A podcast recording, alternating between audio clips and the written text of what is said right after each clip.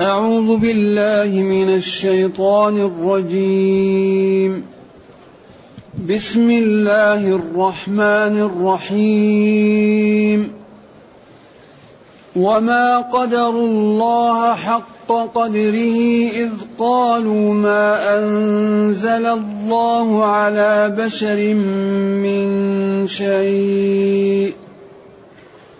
قل من أنزل الكتاب الذي جاء به موسى نورا وهدى للناس تجعلونه قراطيس تبدونها وتخفون كثيرا وعلمتم ما لم تعلموا أنتم ولا آباؤكم ۖ قل الله ثم ذرهم في خوضهم يلعبون وهذا كتاب انزلناه مبارك مصدق الذي بين يديه ولتنذر ام القرى ومن حولها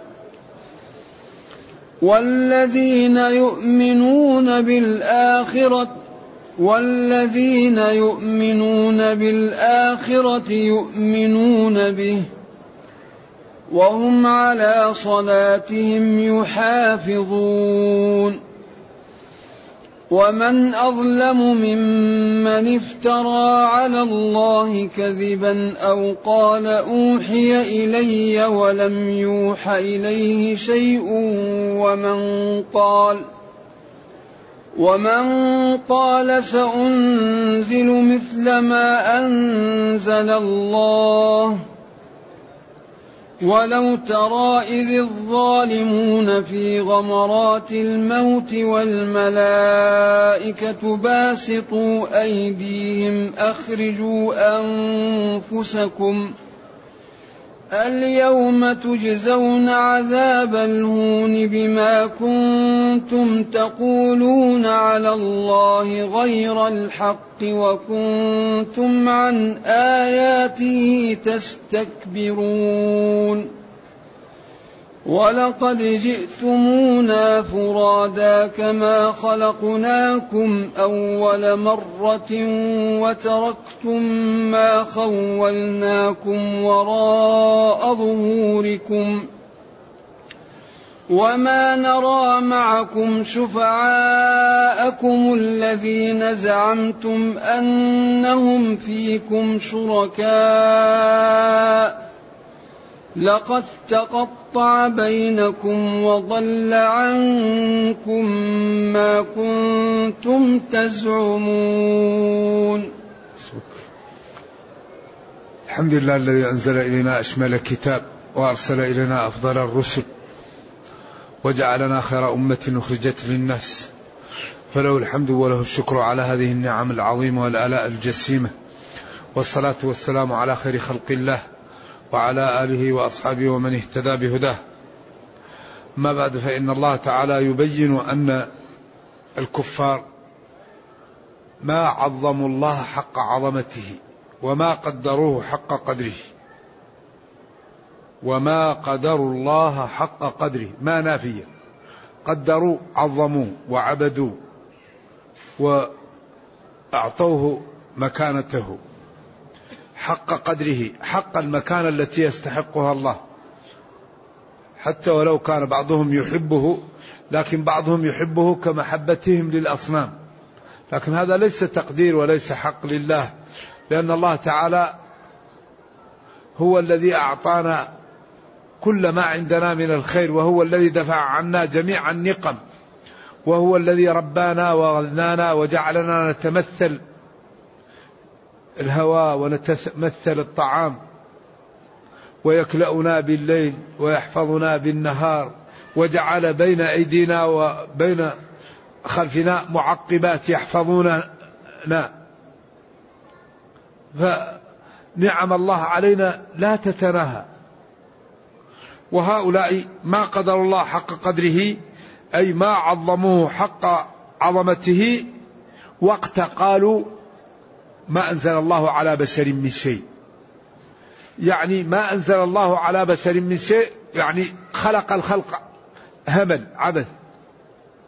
كيف الله الذي أوجد هذا الكون بهذا النظام الدقيق يكون ما ما أنزل وحي ولا أنزل رسلا ولا أنزل نظاما ولا أمر بهداية الخلق ولا حذرهم من الكفر والضلال. إذا ما عظموه في قولهم ما أنزل الله على بشر من شيء لأن هذا يلزم منه أن يكون الكون خلق عبثا أو خلق لغير فائدة. وهذا يعني من أكبر يعني آه، الكفر بالله والتكذيب به. والله يقول وما خلقنا السماوات والأرض وما بينهما باطلا. ذلك ظن الذين كفروا.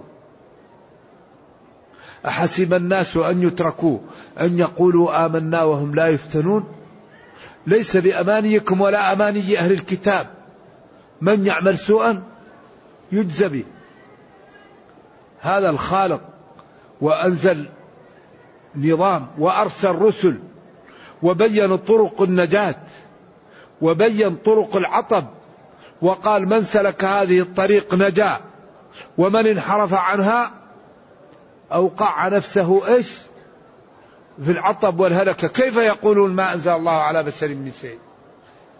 إذا هؤلاء ما عظموا الله ولا عبدوه ولا وضعوا الأمور في مواضعها حين كذبوا وقالوا هذا القول الشنيع. لذلك هذا الدين مبني على أسس. وقواعد وأمور واضحة وقوية. إذا ما نافية؟ قدروا عظمه الله المعبود بحق. حق قدره يعني ما يستحقه من العظمة. وإن كان حصل منهم شيء من ذلك. حينئذ ظرف لما مضى من الزمان وقت قولهم ما أنزل الله على بشر من شيء.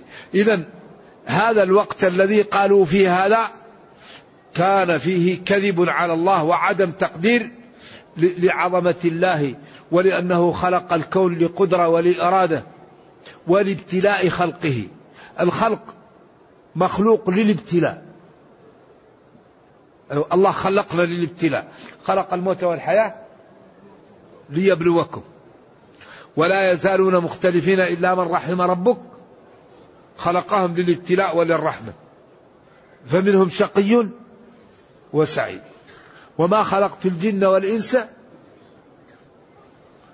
إلا لآمرهم وأنهاهم. فيعبدني من قدرت له السعادة ويعصيني من قدرت له عليه الشقاوة على أصح التفاسير. إذا هو للابتلاء. خلقت الجن والإنس للابتلاء لأطالبهم بالعبادة. لأنه لو خلقهم للعبادة ما كفر أحد. لكن خلقهم ليطالبهم يقول لهم اعبدوني يأمرهم وينهاهم. فمن قدر له السعادة يمتثل ويدخل الجنة. ومن قدر عليه الشقاوة يقول لماذا؟ ما الفائدة في هذا؟ ما الذي يستفيد الرب من صلاتي من صومي من عطشي؟ فيكفر فيدخل جهنم. إذا هؤلاء الذين قالوا ما أنزل الله على بشر من شيء هؤلاء ما قدروا الله ولا عظموه. ثم رد عليهم ردا قويا مفحما. إذا ولذلك القرآن إذا أراد أن يوضح أمرا يأتي بالوسائل التي تجعل المنصف. يقول كفاني كفاني.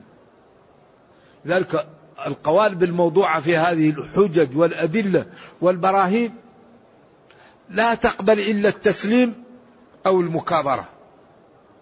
أيوة الحجج الموضوعة عجيب. هما أولا ما عظموه حق عظمته. حين جعلوا أنه أوجد هذا الكون هكذا. لا لإرادة ولا لأمر إذا هم عملوا جريمة وهو عدم تقديرهم لله بهذا القول. ثم رد عليهم ردا مفهما موجزا. من أنزل الكتاب الذي جاء به موسى؟ هنا طوى النتيجة. موسى بشر وأنزل عليه كتاب. إذا أنتم كذبة. لكن طوى النتيجة. من أنزل الكتاب الذي جاء به موسى؟ إذا يقال الحبر الرجل اليهودي الذي ناشده النبي صلى الله عليه وسلم هذا في سيرة بن هشام وفي تفسير الطبري. والأثر يعني في ضعف. قال أناشدك الله تعلم أن في التوراة إن الله يكره الحبر السمين فغضب وقال له ما أنزل الله على بشر من شيء. قالوا ولا موسى قال ولا موسى ما أنزل الله على بشر من شيء. فأنزل الله عليه. قل من أنزل الكتاب الذي جاء به موسى؟ إذا موسى بشر. وأنزل عليه كتاب التوراة. إذا أنتم كذبة. طوى النتيجة. نورا وهدى للناس. نور يستضيئون به في ظلمات الجهل. وهدى طريق يسلكونها. يجعلونه هؤلاء اليهود قراطيس يكتبونه في قراطيس. تبدون أو يبدون بعضا منها ويخفون كثيرا. ومن جملته وصف النبي صلى الله عليه وسلم والرجم وما لا يريدون يخفونه وما يريدونه يبدونه. اذا هذا الدين جعلوه على أهوائهم. فما أبدوه ورغبوا فيه اظهروه وما كرهوه أخفوه. ولذلك كان هذا من أسباب الخزي في الحياة الدنيا. من أكبر أسباب الخزي في الحياة الدنيا العمل ببعض الدين وترك البعض. قال أفتؤمنون ببعض الكتاب وتكفرون ببعض؟ فما جزاء من يفعل ذلك منكم إلا خزي في الحياة الدنيا. هذه الآية مع الأسف تجر ليلها على المسلمين. المسلمون يؤمنون بالصلاة ولكن في كثير من أقطار العالم يكفرون بالاقتصاد يؤمنون بالطهارة يتوضون ولكن يحكمون في كثير من أمورهم القوانين الوضعية. إذا يؤمنون ببعض الكتاب ويكفرون ببعض فما جزاء من يفعل ذلك منكم إلا خزي في الحياة الدنيا. الذل والهوان. هذه الآية الحقيقة مخيفة جدا لأن من أسباب ما تعيشه الأمة من الضعف العمل بجانب من الكتاب وترك الجانب. وكذلك الذي سبب لليهود ذلك ترك بعض العمل ببعض التوراة وترك البعض منها وعلمتم في التوراة ما لم تعلموا أنتم ولا آباؤكم أو علمتم في زمن النبي صلى الله عليه وسلم ما كنتم ما لا تعلمون أنتم ولا آباؤكم إذا قل من أنزل الكتاب الذي جاء به موسى قل لهم الله وهذا جاء معترض الذي جاء به موسى نورا وهدى للناس تبدونها وتخفون كثيرا وعلمتم ما لم تعلموا أنتم ولا آباؤكم.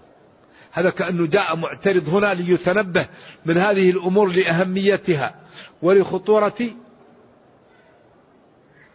يعني تركها وعدم الامتثال لها.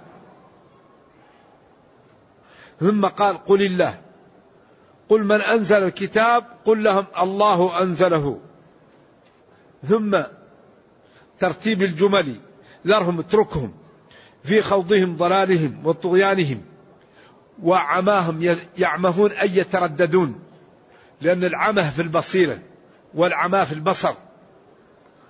وقد يطلق هذا على هذا.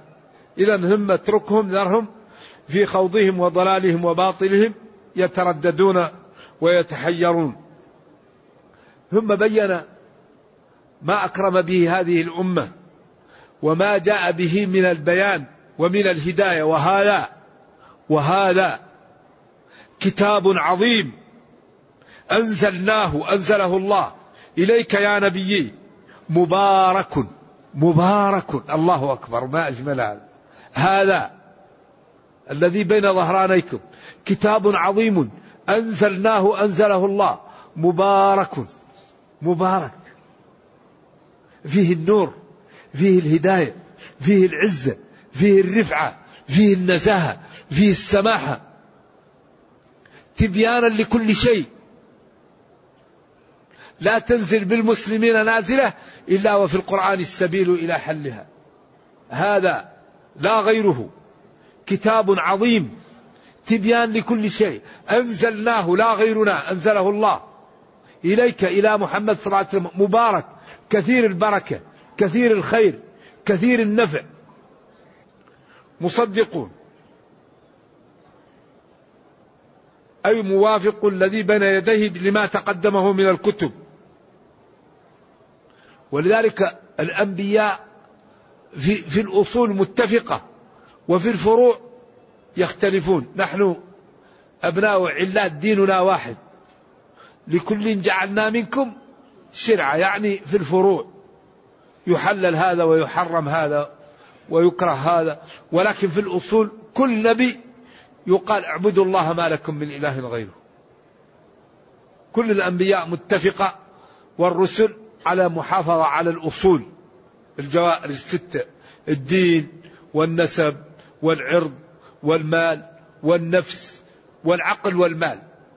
هذه كل الشرائع تدعو لها ومتفقة عليها. وبالأخص التوحيد. كل رسول يقول لقومه اعبدوا الله ما لكم من إله غيره. إذا وهذا الكتاب القرآن أنزله الله كثير البركة. الحرف بعشر حسنات. كل ما تحتاج إليه تفتح المصحف وتجده. تبيانا لكل شيء. أعطاك موارد العلم وأخبرك أنها لشكر الله. بين لك أسباب دخول الجهنم وحذرك منها. بين لك أسباب دخول الجنة وأمرك بها. أمرك بالإحسان إلى جميع شرائع المجتمع بعد عبادة الله. أباح لك ما تحتاج إليه حرم لك ما ما يضرك. فإن اضطررت إلى أي شيء أبواب الأمام مفتحة. كتاب لا يأتيه الباطل من بين يديه ولا من خلفه تنزيل من حكيم حميد. وأنزلنا إليكم نورا مبينا. إذا وهذا كتاب أنزلناه مبارك. إذا حري بنا أن نعطي للقرآن الوقت. لا بد أن نقتطع أجزاء من أوقاتنا لنحفظ القرآن. لنعرف ما الواجب فنمتثله. لنعرف ما الحرام فنتجنبه. لنتخلق بأخلاق القرآن ونتأدب بآدابه. ولنعتز به وليرحمنا الله بسببه. كتاب أنزلناه مبارك كتاب عظيم أنزله الله جعل فيه البركة والنور. ولذا كل خير يؤمر به في هذا الكتاب وكل شر ينهى عنه. طرق العلم طرق جمع المال طرق محبة الناس لك طرق جلب الخير للناس طرق السعادة طرق الضلال. حتى يعلمك كيف تمشي في الطريق. ولا تمشي في الأرض مرحا. إنك لن تخرق الأرض ولن تبلغ الجبال طولا. إذا ضربت برجلك في الأرض ما تستطيع أن تخرق الأرض. وإذا شمخت بأنفك الجبل أكبر منك. إذا نمشي بالأدب. نعم. جعل لكم السمع والأبصار والأفئدة. لماذا؟ لعلكم تشكرون. أعطاك موارد العلم لتشكر الله. ما أعطاك موارد العلم لتسمع الحرام تنظر الحرام تفكر في الحرام لا. أخرجكم من بطون أمهاتكم لا تعلمون شيئا. وأعطاكم موارد العلم لشكر الله ولاستعمالها في طاعة الله. بين أسباب دخول أهل النار النار. ما سلككم في سقر؟ قالوا لم نكن من المصلين. ولم نكن نطعم المسكين. وكنا نخوض مع الخائضين وكنا يوم هذه الأربعة هي أصول دخول جهنم. سأل أهل الجنة أهل النار سببها. إذا العقل يتجنب أسباب دخول النار. المسلمون. قال قد أفلح من؟ المؤمنون. أفلح دخلوا في الفلاح. وهو أنهم نجوا من النار ودخلوا الجنة. هذا هو الفلاح. وهو الفوز. المؤمنون. الذين هم في صلاتهم خاشعون والذين هم عن اللغو معرضون والذين هم للزكاة فاعلون. كتاب أنزلناه مبارك أسباب دخول الجنة وأسباب دخول جهنم موضحة في نص كتاب الله. ولذلك قال وهذا كتاب أنزلناه مبارك. يعلمك كيف تنجو؟ كيف تتجنب العطب؟ كيف تعز نفسك؟ كيف تعز أمتك؟ كيف تكون آدميا؟ كيف تترك لك بصمات قبل أن تموت؟ كيف تعلو همة المسلم؟ المسلم يكون يأكل ويشرب حتى ينام نهارك يا مغرور سهو وغفلة وليلك نوم والردى لك لازم وتشغل فيما سوف تكره غبه. كذلك في الدنيا تعيش البهائم. المسلم لا بد أن يترك له بصمات قبل أن يموت. يؤلف كتاب. يعمل وقف يعمل مشروع يجعل يهدي له شريحة من المجتمع تكون أعمالها في في صحيفته. يتحرك لدينه ولأمته. أما كل واحد يقول الله يهديهم. طيب وأنت؟ الله يهديك أنت أول. ماذا فعلت أنت؟ الله يهديهم ما فعلوا وما فعلوا. وكأنه هو كل واحد كل امرئ بما كسب كل واحد منا ينبغي أن يقدم لدينه ولأمته على قدر ما أعطاه الله. إذا هذا الكتاب مبارك أنزله الله مصدق لما تقدمه من الكتب ولتنذر به يا نبي أم القرى. أم القرى مكة. قيل إن مكة هذه كل ما يطلع الإنسان عن الأرض أول ما يواجه مكة. وكل الجهات مستوية فيها الغرب والشرق والجنوب والشمال. ولذلك هذا المحل قال وأذن في الناس بالحج يأتوك رجالا يأتوا من كل جهة لأن هذا المحل كل الجهات مستوية فيه. من حولها كل الجهات كل الأرض يخوفهم هذا القرآن. ولذا قال وأوحي إلي هذا القرآن لأنذركم به ومن بلغ. لا يسمع به أحد من أهل الأرض ولم يؤمن إلا دخل النار. فلذلك والحمد لله هذا الدين دين قائم على أسس قوية وعلى قواعد ثابتة ينبغي لأهله أن يعطيه الوقت ويفهموه وأن يبينوا للناس جمال هذا الدين في سلوكهم وفي حياتهم حتى نكون جميعا سبب في إنقاذ أهل البشرية لأن الأرض إذا لم ينقذ أهلها المسلمون من ينقذهم؟ الذين أكرمهم الله بهذا النبي الكريم وبهذا القرآن وجعلهم خير أمة وجعلهم يعني كتابهم كتاب لا يمحى وباقي إلى قيام الساعة ومحفوظ بحفظ الله له. أقول إذا لم يكن الأمة المسلمة سبب في إنقاذ البشرية من الكفر والضلال من, من ينقذهم؟ إذا هذا يحتاج منا إلى فهم لكتاب الله وإلى فهم إلى سنة النبي وإلى طرح معتدل وإلى الرفق بالآخرين حتى يعطونا آذانهم فننزع الشر ونضع الخير. لأن ما كان الرفق في شيء إلا زانه. إذا يقول ولتنذر أم القرى ومن حولها. كل الأرض. لأن الغرب حولها والشرق وكل القرى من حولها. والذين يؤمنون بالآخرة يؤمنون. الذين يؤمنون بيوم القيامة يؤمنون بهذا القرآن وبهذا النبي. وهم على صلاتهم يحافظون. لأن أكبر برهان على الإيمان الصلاة وأكبر شيء يقوي الدين الصلاة. لا يوجد شيء أقوى للدين من الصلاة.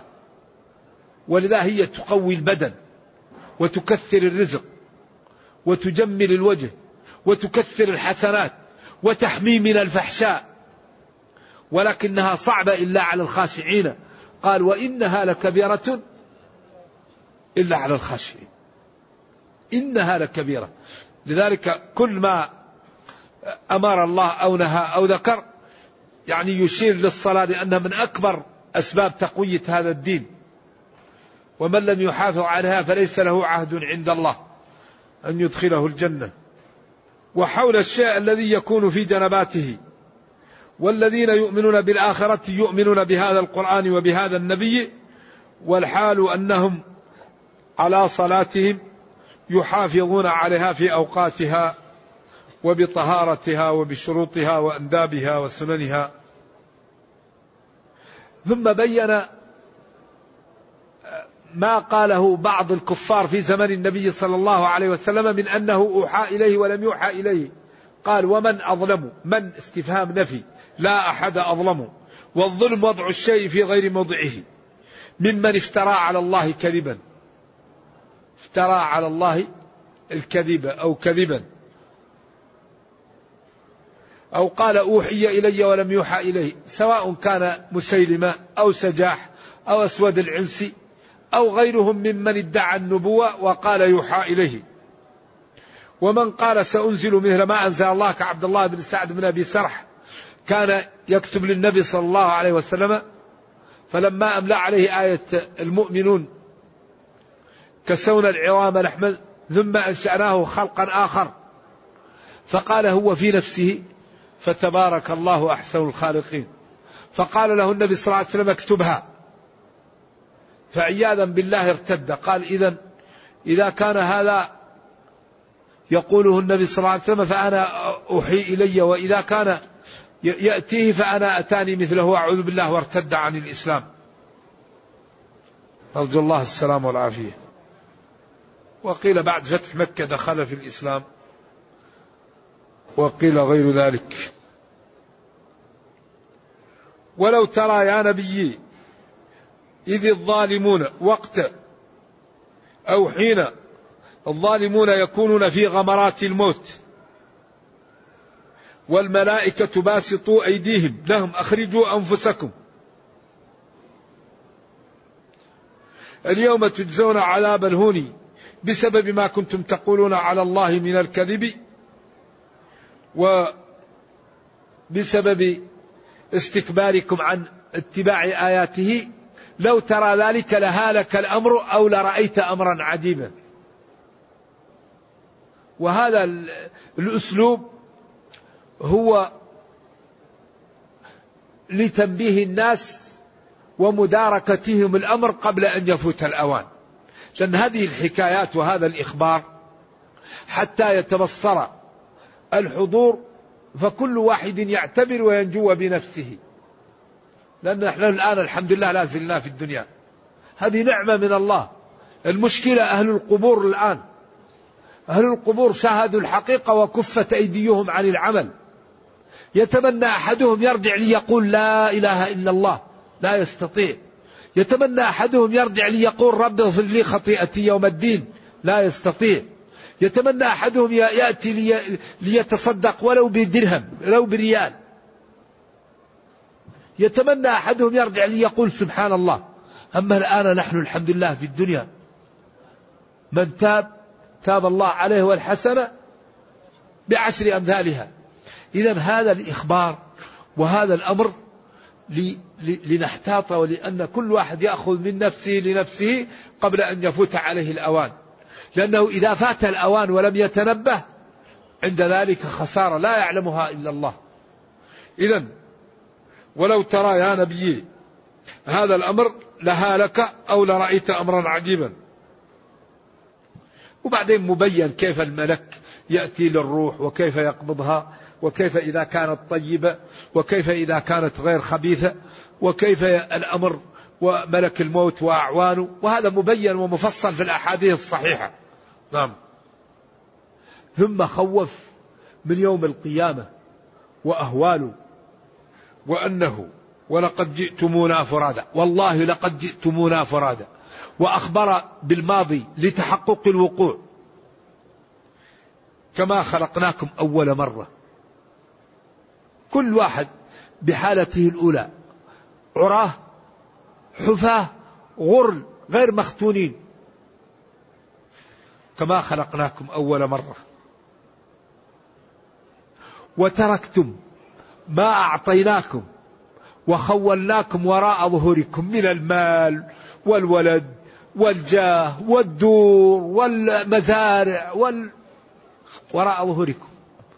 وما نرى معكم شفعاءكم الذين زعمتم أنهم فيكم شركاء. الذين كنتم تقولون يساعدونكم.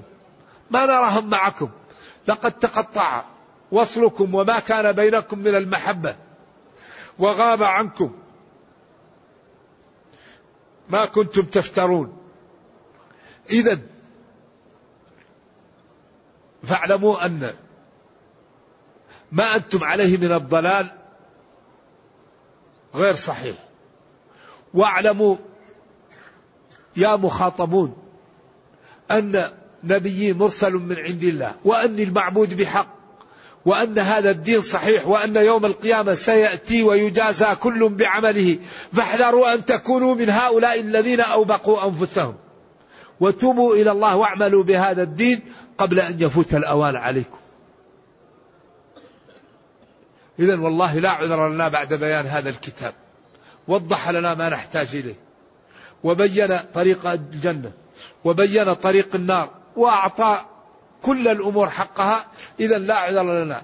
ولذلك ربنا قال أولم يكفهم أنا أنزلنا عليك الكتاب يتلى عليهم؟ أبعد تلاوة القرآن عليكم تحتاجون إلى شيء؟ ولكن المعوقات هي التي تمنع من إيش؟ من السير إلى الجنة، المعوقات كم؟ أربعة. هذه التي تمنع. أول شيء النفس، إن النفس لأمارة بالسوء. ثاني شيء الشيطان، إن الشيطان لكم عدو. ثالث شيء المال. المال هذا مشكل.